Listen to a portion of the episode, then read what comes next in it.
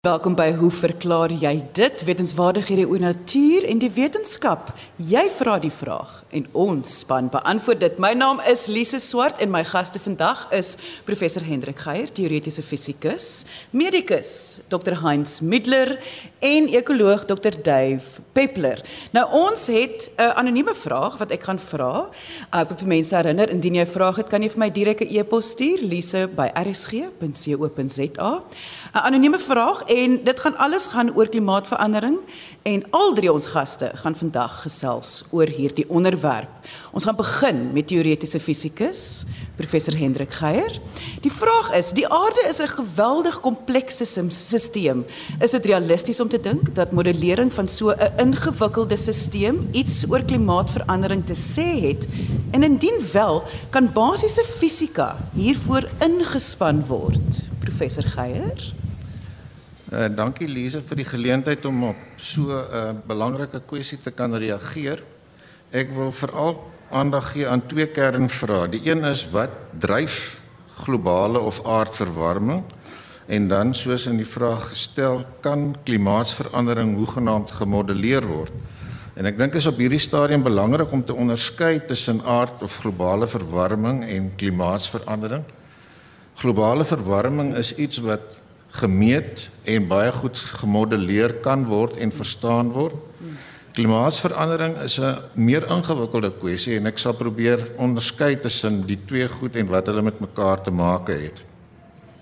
Ek dink dit is ook goed om vroeg al 'n onderskeid te maak tussen modellering in watter geval 'n mens 'n uh,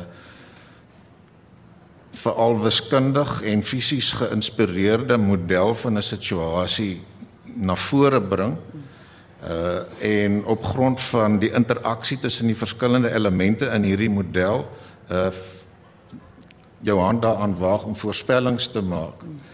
Aan die ander kant is daar data interpretasie wanneer jy dit met rou data sit en probeer sin maak uit wat jy uh en in die opsig dink ek is dit ook belangrik om uh 'n segswyse of 'n uh, verwysing uh, op te haal uh, wat uh, in Engels sê correlation is not causation in Afrikaans dit al allitereer baie mooi in Engels en Afrikaans sou mense kon sê uh, korrelasie is nie noodwendig oorsaaklikheid nie en 'n mens moet hierdie twee goed baie duidelik uitmekaar uithou. Hmm.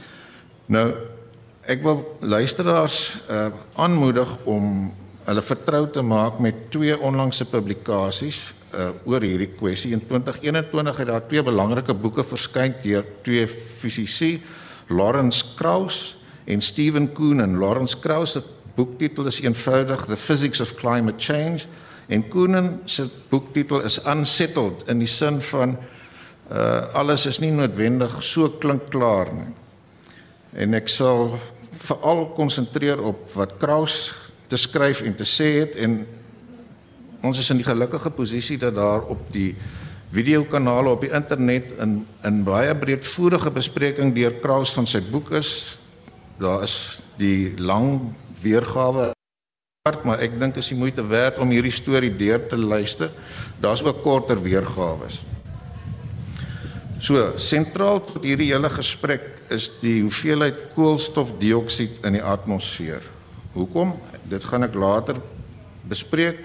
Maar ek wil eers ietsie sê oor hoe ons dit meet en van wanneer af hierdie metings uh, eintlik sistematies begin doen is. Dit begin in 1958 met 'n nadoktorale uh, student wat as deel van sy van sy projek uh, die konsentrasie van koolstofdioksied in die atmosfeer wou meet of moes meet. Ehm um, en met die syfer na vore gekom het dat uh, nadat hy nou voorsiening gemaak het vir 'n hele paar variasies en ons kan nou nou daaroor iets sê, het hy agtergekom 'n mens praat van omtrent 313 of 314 dele per miljoen koolstofdioksied in die atmosfeer. Nou wat beteken dit? Dit beteken uit elke miljoen molekules in droë lug is 313 of 14 uh, is koolstofdioksied. Hoe meet 'n mens dit fisies?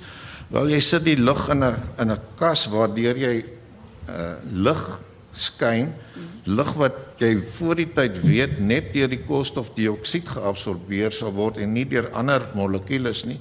En dan kyk jy hoeveel lig word deurgelaat en hierdie goed is nou al baie verfyn en gestandaardiseer so 'n mens het baie goeie vertroue in die syfers wat na vore kom wat in 1958 313 dele per miljoen was.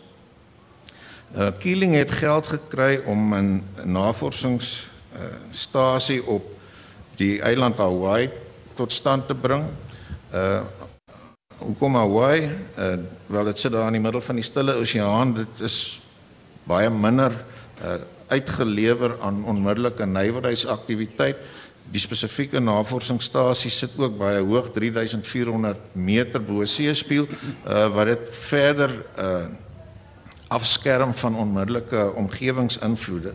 En daar word sedert 1958 op 'n daaglikse basis hierdie syfer gemeet, gedokumenteer en wat ons vandag weet in 2022 staan hierdie syfer nou uh, op 400 418 dele per miljoen. So in 60 jaar het hierdie 30% toegeneem. Is dit 'n groot toename? Wel, waarteen sou 'n mens dit wou meet? Gelukkig het, het die het nie die atmosfeer nie, maar oorblyfsels van die atmosfeer vasgevang gebly byvoorbeeld in die poolys. So 'n mens kan baie diep in die poolys afgrawe. Ehm uh, soos wat die seisoene gevolg het, is lug insluitende die hoeveelheid koolstofdioksied vasgevang in lugborreltjies. Uh jy kan die die yslaag dateer en op hierdie manier kan 'n mens die hoeveelheid koolstofdioksied in die atmosfeer terugdateer vir 'n goeie paar honderd duisend jaar. En wat nou opvallend is is dat vir die grootste deel van die van die aarde se bestaan waaroor ons hierdie inligting nou kan aanbied, uh, het hierdie syfer min of meer konstant gebly. Natuurlik was daar variasies. Ons weet daar was ystydperke gewees en daardie goed word baie goed gereflekteer in wat op hierdie manier gemeet word.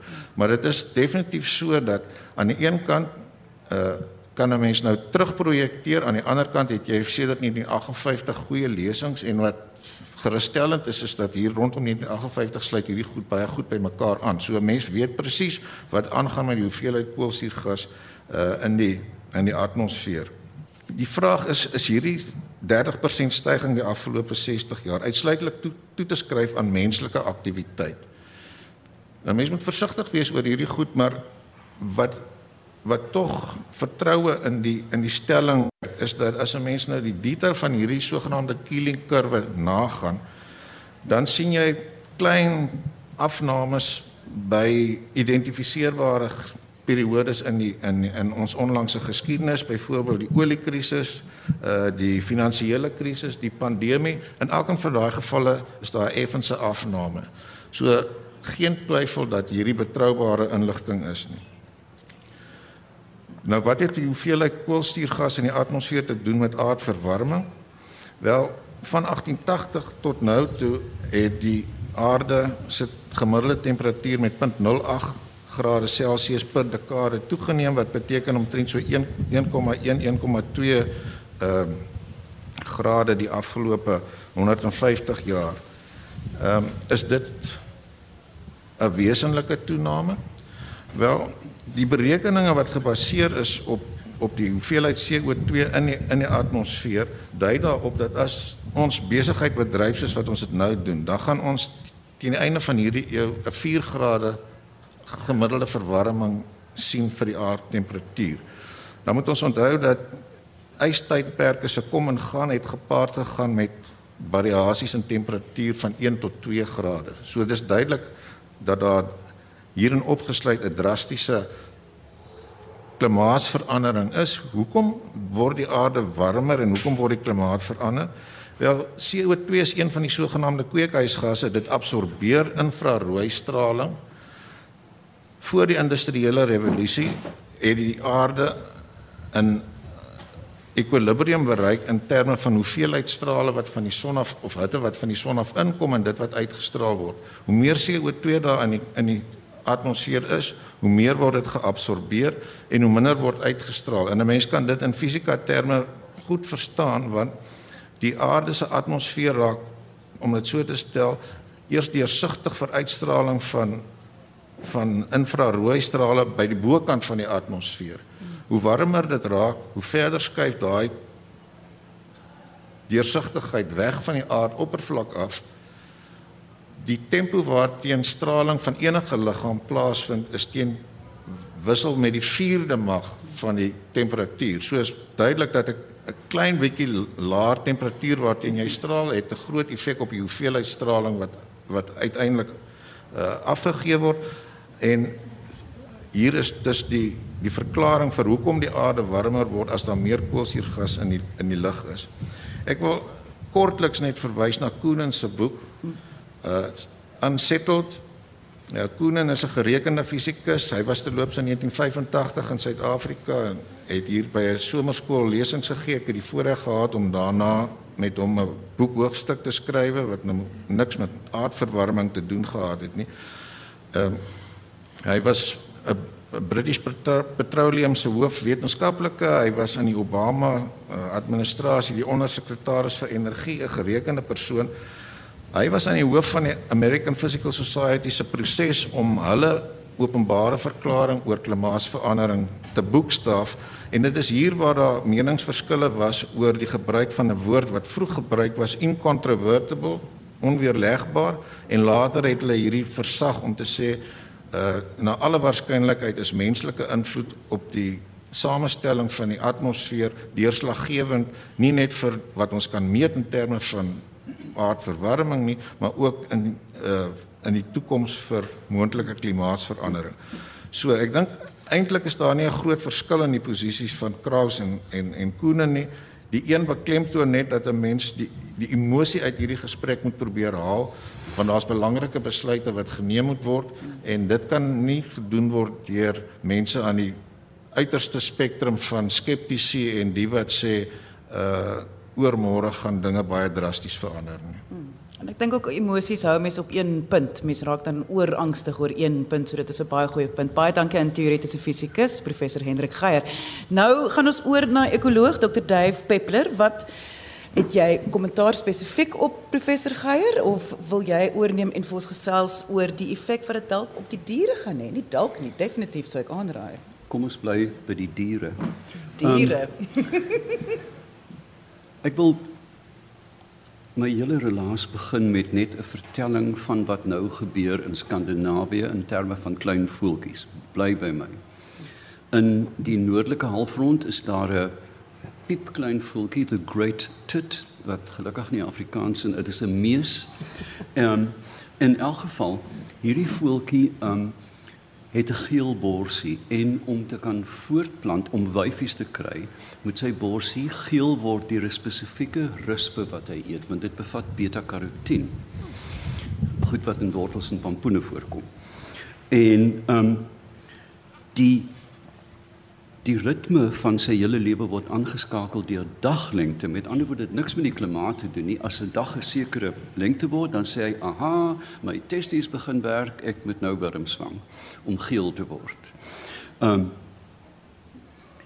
met klimaatsverandering kom die lente in Skandinawië nou 10 dae vroeër. Wat beteken dat die wurms ontpop die beta-karotienwurms op op, maar die voeltjie is nie reg om hulle te eet nie. Teen die tyd wanneer sy klein testikels aanskakel, is die wurms weg. Met ander woorde, hy kan nie geel word nie. Met ander woorde, hy kan nie 'n maat kry nie alhoewel hy fiks is. En so verander die hele lewensiklus van 'n groot groep voëls wat nou moet suid trek om by ehm um, geelwurms uit te kom. Die tweede ding waaroor ek wil praat is grond sou ons die koolstofgawe die koolstofinhoud van grond met 1% kan verhoog dan absorbeer dit meer koolstof as die ganse vrylating vir 'n kalenderjaar op aarde. Met ander woorde, ons het gronde vernietig. Um ons laat dit erodeer, ons plant die verkeerde goed daarop, ons kap woude af. Die antwoord is molm om koolstof terug te kry. Tweedens die oseane Hendrik sal weet dat die die oseane is die groot spons van temperatuur op aarde. Met ander woorde, ehm um, Ons weet presies wat met El Niño gebeur met 'n geringe aanpassing van 'n derde van 'n graad. Um spoel Montague weg soos 3 weke gelede. Met ander woorde, hierdie oseaan word warmer en soos hy warmer word, is natuurlik ook 'n verhoogde opname van CO2 wat die water suur maak. Die koraalriwe verdwyn. Uh, die Great Barrier Reef in Australië het nou om en by 60% van alle korale verloor. Hoekom? Want korale is van die mees stabiele organismes op aarde wat deur 'n kalenderjaar skaars 1 graad um Celsius wissel. Dit is ongelooflik stabiel. 1/3 graad laat hulle vrek. Salm, um die riviere word te warm. Hulle moet al hoe verder noord trek om te kan te kan broei. Seeskilpaaie, baie van hulle as gevolg van die verhoogde temperature produseer wyfies nou 99% wyfies want daar is 'n verband tussen die inkubasietemperatuur en die geslag van die diertjie. Selfde geld met krokodille. Daar's te veel wyfies. Ehm um, wat vreemd is op aarde, maar in elk geval dit daar gelaat. Kokerbome ehm um, is besig om uit te sterf. Hulle kan nie wegloop nie. Hulle staan vir honderde jare op een plek en hierdie geringe geringe subtiele aanpassing in temperatuur laat hulle uitsterf. Um, ons dink ook aan kusbuffers. Ek is op pad na um, na Bangladesh um, om te gaan kyk na eilande waar die in die vlak deltas van die wêreld is kan ons nou die stygings van die seevlak letterlik meet eilande spoel weg. Daar is klaar een uitsterwing van 'n pieperige voeltjie in die stille oseaan. Die eiland is nou onder water en die voeltjie is saam daarmee weg. Ehm um, so Tina, blouvin Tina verskyn aan die kus van Engeland. Ek meen is ondenkbaar, daar's net sardiens, jy weet, en nou is daar skielik ehm um, so die hele die die vesels van die lewende ekologie ekologie van die aarde is so versteur dat modelle modellering in ekologie raak byna onmoontlik. Laastens net woude, ons weet presies wat met ons reënwoude gebeur. Ek was onlangs in die Kongo. Dit is asembenemend wat die Chinese doen. Dit is eenvoudig landskapvernietiging. Ons dink in Borneo met palmolie.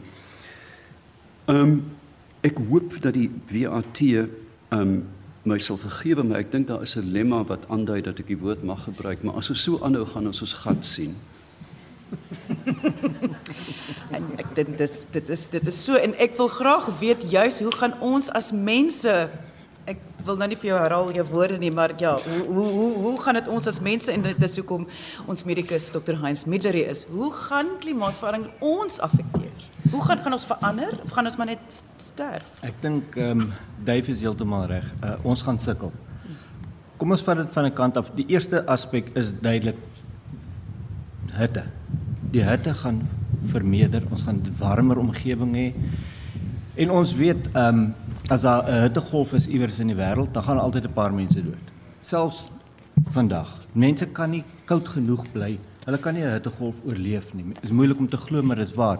So nou kan ons dink as ons omgewingstemperatuur konstant verhoog gaan wees. En wie gaan eers sterf? Dit is die vatbares, dit is die bejaardes en dis die babas. En die hoofrede is is baie belangrik vir ons om ons liggaamstemperatuur konstant te hou want al ons ensiemstelsels is baie kritiek. Jy kan nie warmer of kouer raak nie. As jy koud begin kry, bewe jy om jou temperatuur te verhoog. Om sperms te vorm, moet jy 'n laer temperatuur as liggaamstemperatuur. Dit is hoekom 'n manlike skrotum nie in die abdomen is nie, want dan vorm jy nie sperms nie. Dit moet laer hang met 'n graad of koeler wees.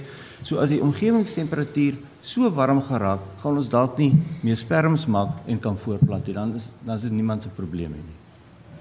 Goeie genigtig. Yes. Ja. Jy wil nog iets um, sê, Dave? Vir my die tra die tragiese is dat ons het nie evolusionêre tyd om aan te pas as mens by wat kom nie. Presies. Want as jy kyk hoe vinnig ons kan aanpas, kyk na die Maasai, hulle ektomorf vorm is in 550 jaar gevorm van 'n mediaan swart bevolking. Ja. Ehm um, maar ons het ongelukkig nou nie die tyd om aan te pas nie. Ons kan nie almal rooi koppe ontwikkel om Vitamiin D in die ys uh, gebiede te ontwikkel nie.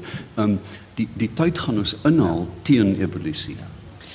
Ek, ek wil net tyd het ons al ingehaal, oh, ja. lankal. Selfs as jy nou die uh, afskakel enige addisionele CO2 in die lug. Dit wat daar is bly daar nog vir honderde jare en dit het 'n invloed op Is op, alreeds op, te veel, op wat die uh, op die globale verwarming en dan uiteindelik op die klimaat. Wat natuurlik kom by jou punt wat jy gemaak het professor Geier van om nie emosioneel daar te dink nie, maar bes met prakties daar dink want ek dink dit is te laat om emosioneel om nou angstig te Nee. raak oor is al dis verby. Dit help glad nie. Help Ons glad nie. ons is nou gewoond aan die aan die brande. As jy kyk na na toepassings wat brande vir jou in werklike tyd gee, daar is nou brande noord van die poolsirkel in in Kanada. Dit brand noord van die poolsirkel. Nou, ehm um, een van die van die artefakte van klimaatsverandering is natuurlik flitsvloede. Die voorspelling is dat ons nou flitsdroogtes gaan hê wat so vinnig op ons afstorm dat jy niks daaraan kan doen nie. So, jy weet, bekeer. Ek wil 'n groot plakkaat ophou, bekeer betyds. En met op daardie noot sê ons baie dankie aan uh, die gaste vandag, aan ons medikus uh, Dr. Heinz Middler, aan ekoloog Dr. Dave Peppler en aan teoretiese fisikus Professor Hendrik Geier. Onthou om altyd vrae te vra en nuuskierig te bly. Tot volgende week. Julle moet 'n heerlike week hê. Totsiens.